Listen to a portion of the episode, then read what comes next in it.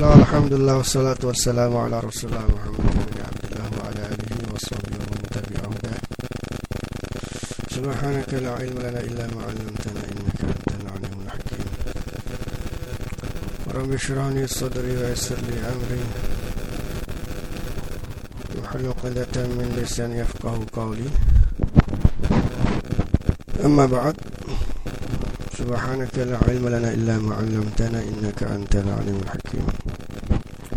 Ikhwani wa akhwati uhayikum jami'an bitahiyatil Islam Assalamualaikum warahmatullahi wabarakatuh. Alhamdulillah pada sore hari ini yang ditemani mendung ya kita bisa kembali me mendapatkan kesempatan untuk belajar ilmu walaupun secara virtual. Dan ini adalah kajian ke 6 ya dari kajian kita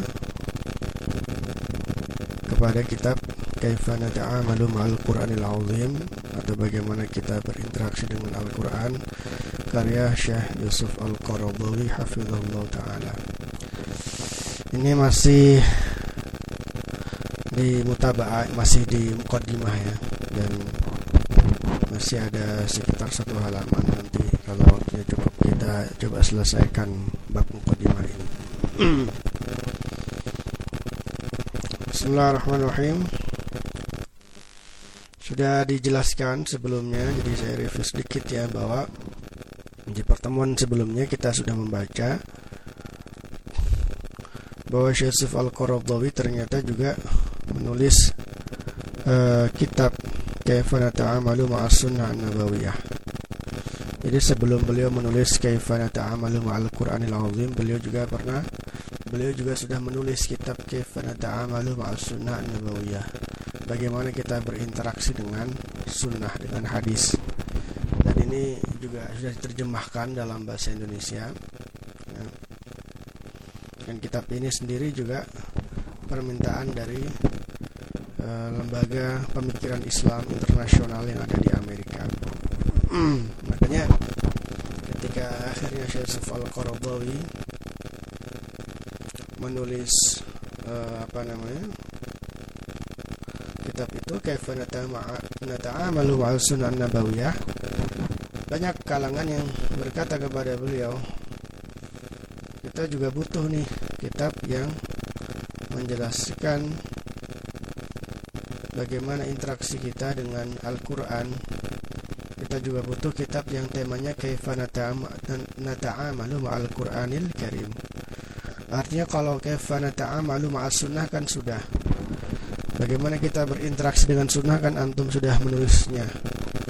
Maka harusnya kita juga punya, harusnya antum juga menulis buku tentang interaksi dengan Al-Quran. Ya.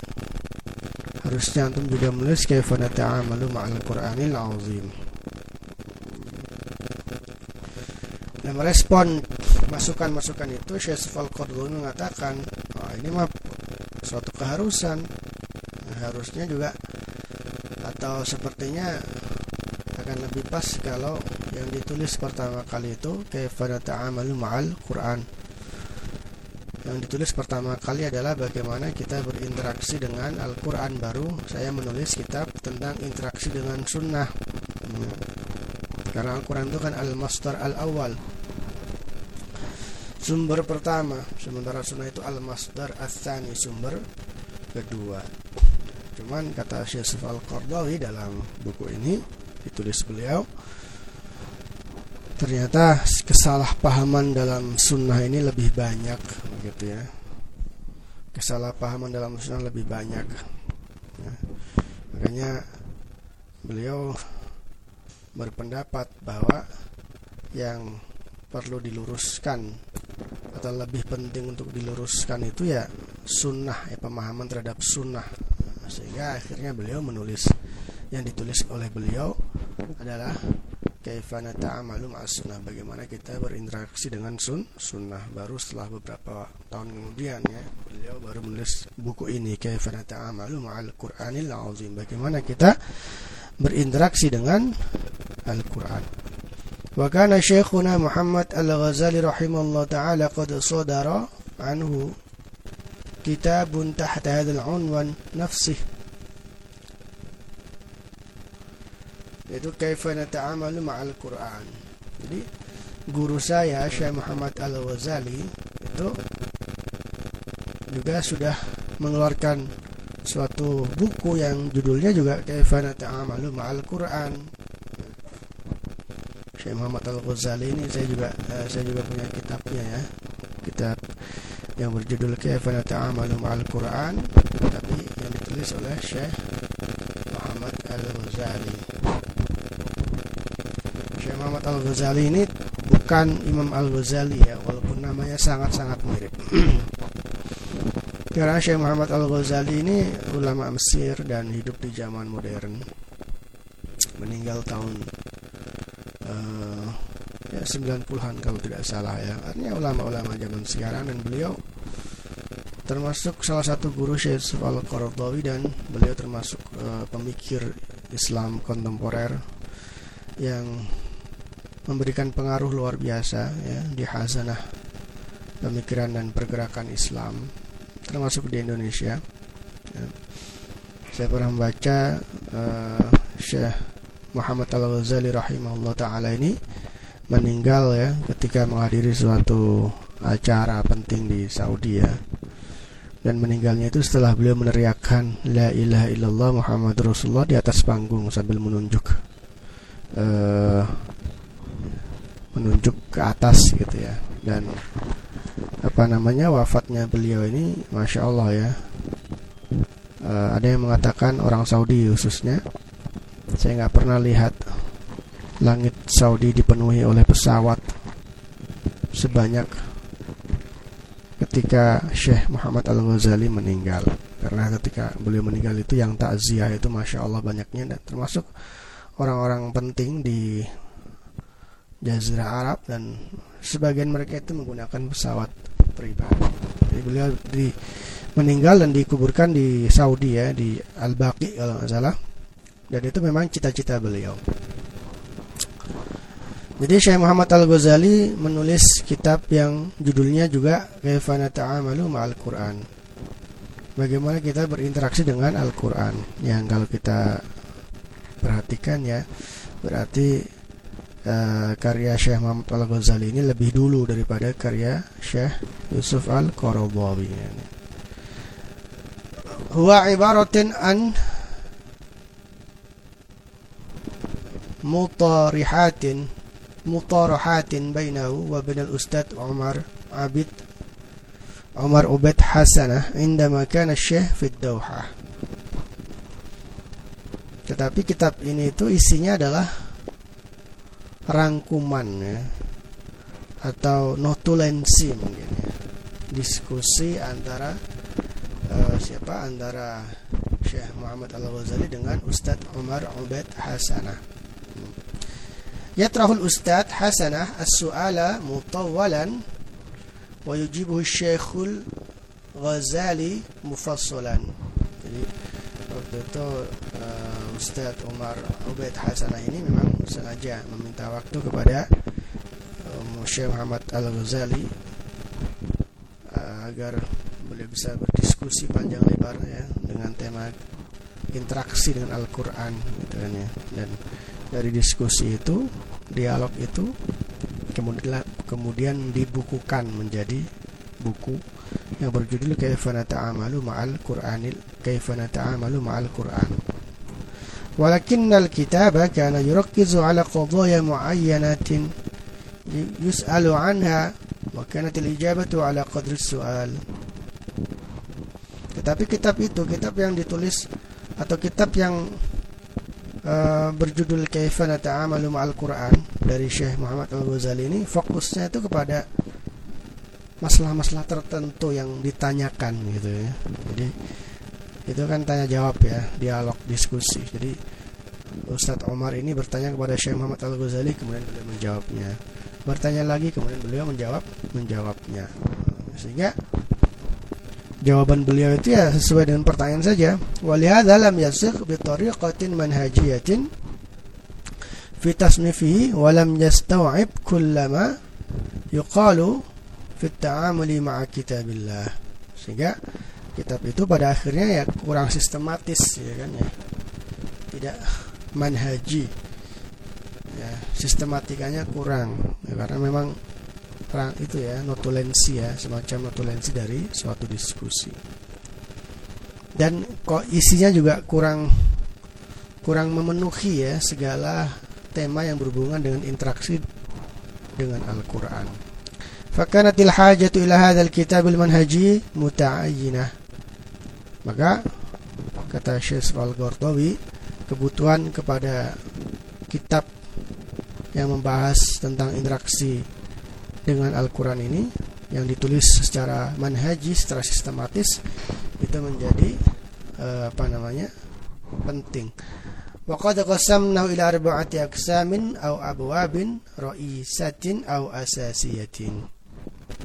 Dan kitab ini nanti kata Syekh Al-Qurtubi akan dibagi menjadi empat bagian dan empat bab. Jadi secara garis besar kitab Kaifana Ta'amalu Al-Quran Al-Azim ini nanti dibagi menjadi empat bab ya. Walaupun tentu setiap bab nanti ada sub-sub bab ya. Al-babul awal an khasaisil Qur'anil azim wa maqasidihi. Bab pertama itu tentang keistimewaan keistimewaan Al-Qur'an dan tujuan-tujuannya. Al-babu tsani 'an at-ta'amul al Qur'an, hifdhan wa tilawatan wa istima'an. Bab kedua tentang interaksi bersama Al-Qur'an dalam konteks hafalan tilawah atau membaca dan mendengarkan. Wal babu tsalis ada bab ketiga an ta'amuli ma'al Qur'an fahman wa tafsiran. Bab ketiga tentang interaksi bersama Al-Qur'an dalam konteks atau dari segi pemahaman dan tafsir. Wa bayani ma'alimil manhajil amsali fit tafsir. Sekaligus nanti di bab 3 juga akan dijelaskan rambu-rambu. Rambu-rambu dari suatu sistematika yang ideal dalam hal tafsir Al-Quran. Wal kashfi anil mazaliki wal mahadri wal mawqifi min at-tafsir al-ilmi bain al-muayyidina wal mu'aridin wa huwa awsa'u abwabil kitabi wa 3 juga akan dijelaskan tentang kesalahan-kesalahan ya. Peringat dan peringatan-peringatan beliau tentang uh, atau yang berhubungan dengan tafsir ya. Dan di bab ketiga juga nanti beliau akan menjelaskan sikap beliau tentang tafsir ilmiah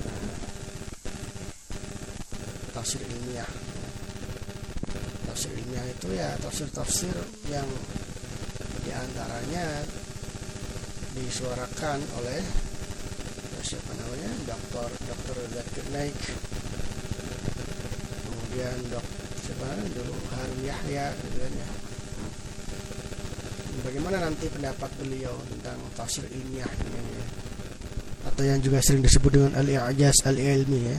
Al-i'jaz al-ilmi awsa'u abwabil kitab wa ahammiha dan memang bab ketiga ini nanti adalah bab yang paling luas dan paling penting. Bab yang paling luas dan paling penting. Wal babur rabi' an at-ta'amuli ma'al Qur'an ittiba'an wa amalan wa hukman wa da'watan. Bab keempat nanti atau bab terakhir adalah tentang interaksi bersama Al-Qur'an dalam konteks ittiba ya, mengikuti wa amalan dan beramal. Wa hukman wa da'watan dan dalam konteks mengambil hukum dan berdakwah. Wa bihadza tamma alkitabu bihamdillahi tabaraka wa ta'ala wa tasdidihi. Dan dengan empat bab tadi kitab ini selesai ya jadi apa namanya bab utamanya itu ada empat waqad waqad istafattu mimma katabtu 'anil Qur'ani fi kutubin sabiqah. Dan aku telah mengambil faidah dari tulisan-tulisan saya tentang Al-Quran yang sudah saya cantumkan di kitab-kitab yang lain, di kitab-kitab yang dulu. Artinya dalam menyusun kitab ini, Syekh Yusuf Al-Qardawi juga uh, mengambil referensi dari kitab-kitab beliau yang lain ya. Yang apa namanya? yang temanya juga atau yang kontennya itu atau yang terutama yang berhubungan dengan Al-Qur'an. Tulisan-tulisan atau tema-tema yang berhubungan dengan Al-Qur'an. Mislu kitab Al-Saqafah Ad-Da'iyah. Seperti kitab saya Saqafatud Da'iyah. Jadi Saqafah Ad-Da'iyah ini salah satu kitab Syekh Al-Qaradawi. Saya pernah membahas juga di uh, channel YouTube saya ya tentang kitab Saqafatud Da'iyah wawasan para dai. Jadi kitab ini menjelaskan tentang e, bagaimana seharusnya kualitas intelektual seorang dai. Wa muqaddimah kitabi tafsir suratur suratur tafsiru suratir ra'd. Dan muqaddimah kitab beliau tafsir surat ar-ra'd wa kitabi al-marji'iyatul ulya fil Islam lil Qur'ani was Sunnah. Begitu juga beliau ketika menulis kitab eh, Kaifana Ta'amalu Ma'al Quran Al-Azim ini juga salah satu referensi yang beliau gunakan adalah kitab beliau yang lain yang berjudul Al-Marji'iyatul Ulya fil Islam lil Qur'ani was Sunnah. Referensi tertinggi ya, rujukan tertinggi dalam Islam untuk Al-Quran dan Sunnah. Faqadish tamal faqadish tamalat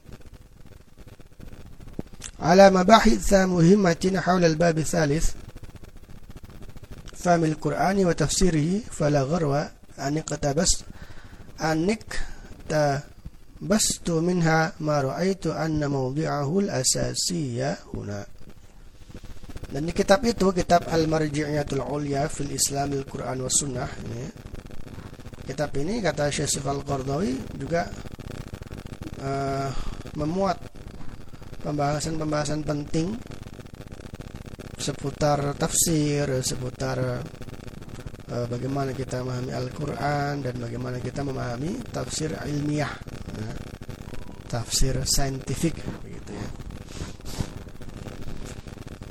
Maka apa namanya? Beliau mengatakan maka tidaklah aneh kalau saya juga akhirnya menjadikan kitab itu kitab Al-Marji'iyatul Ulya fil Islam lil Quran was Sunnah sebagai salah satu referensi saya. As'alullah ta'ala an yanfa'a bihadzal kitabi katibahu katibihi wa qari'ihi. Aku berdoa kepada Allah. Aku berdoa kepada Allah Subhanahu wa taala Semoga kitab ini memberikan manfaat ya, baik kepada penulis dan kepada pembacanya. Nah, kita termasuk dalam doa Syekh Sifal ini. Wa kulli man ashama fi nashrihi wa ta'mimin naf'i bihi. Begitu juga semoga Allah memberikan manfaat kepada siapa saja yang ikut berperan dalam menyebarkan kitab ini dan memperluas menyebarluaskan manfaatnya. Dhari'ina ilahi ta'ala yaj'al Qur'ana rabi'a qulubina. Sekaligus kita semua sama-sama tadarru tadarru itu ya merendahkan diri di hadapan Allah dalam rangka meminta kepada kepadanya agar menjadikan Al-Qur'an ini sebagai rabi'a qulubina musim semi hati kita. Nah, musim semi itu kan indah ya orang-orang itu senang dengan manusia itu senang dengan musim musim semi keindahan. Ya. jadi kita berdoa semoga Al-Quran ini menjadi sesuatu yang sangat indah dalam hati kita wa nura sudurina dan cahaya untuk hati-hati kami. Wa ay ya rudda ummatana ilal qur'ani raddan jamila dan kita berdoa kepada Allah semoga Allah mengembalikan umat kita kepada Al-Quran. Membimbing umat kita agar kembali kepada Al-Quran hatta yakuna minhaja hayatiha. Sehingga Al-Quran itu nanti menjadi manhaj hidup mereka hidupnya umat. Wadusturo siasatiha dan undang-undang siasatnya umat. Wa iya ja'alana tabaraka wa ta'ala min ahli al-Qur'anil ladzina hum ahlullahi wa khassatu dan semoga Allah menjadikan kita sebagai bagian dari ahli Al-Quran. Yang ahli Al-Quran itu tidak lain adalah para keluarga Allah dan hamba-hamba. Pilihannya amin Allahumma amin ad-dawhah al-muharram tahun 1418 Hijriah atau bulan Mei. Jadi mukaddimah ini ditulis pada bulan Muharram 1418 Hijriah yang bertepatan dengan bulan Mei 1997 itu juga kitab ini. Ya kitab yang kitab kontemporer ya tidak lama-lama banget begitu ya. Karena ditulisnya tahun 97 Alhamdulillah kita sudah menyelesaikan uh, mukaddimah kitab ini kitab Kaifana Ta'amalu Ma'al Qur'anil Azim ya, bagaimana kita berinteraksi dengan Al-Quran dan insya Allah selasa depan kita akan membahas bab pertama tentang khosaisul Quran wa maqasiduhu tentang keistimewaan-keistimewaan Al-Quran dan tujuan-tujuan Al-Quran. Aku lu qouli hadza wa astaghfirullah lakum. Subhanakallahumma bihamdika asyhadu an la ilaha illa anta astaghfiruka wa atubu ilaik. Assalamualaikum warahmatullahi wabarakatuh.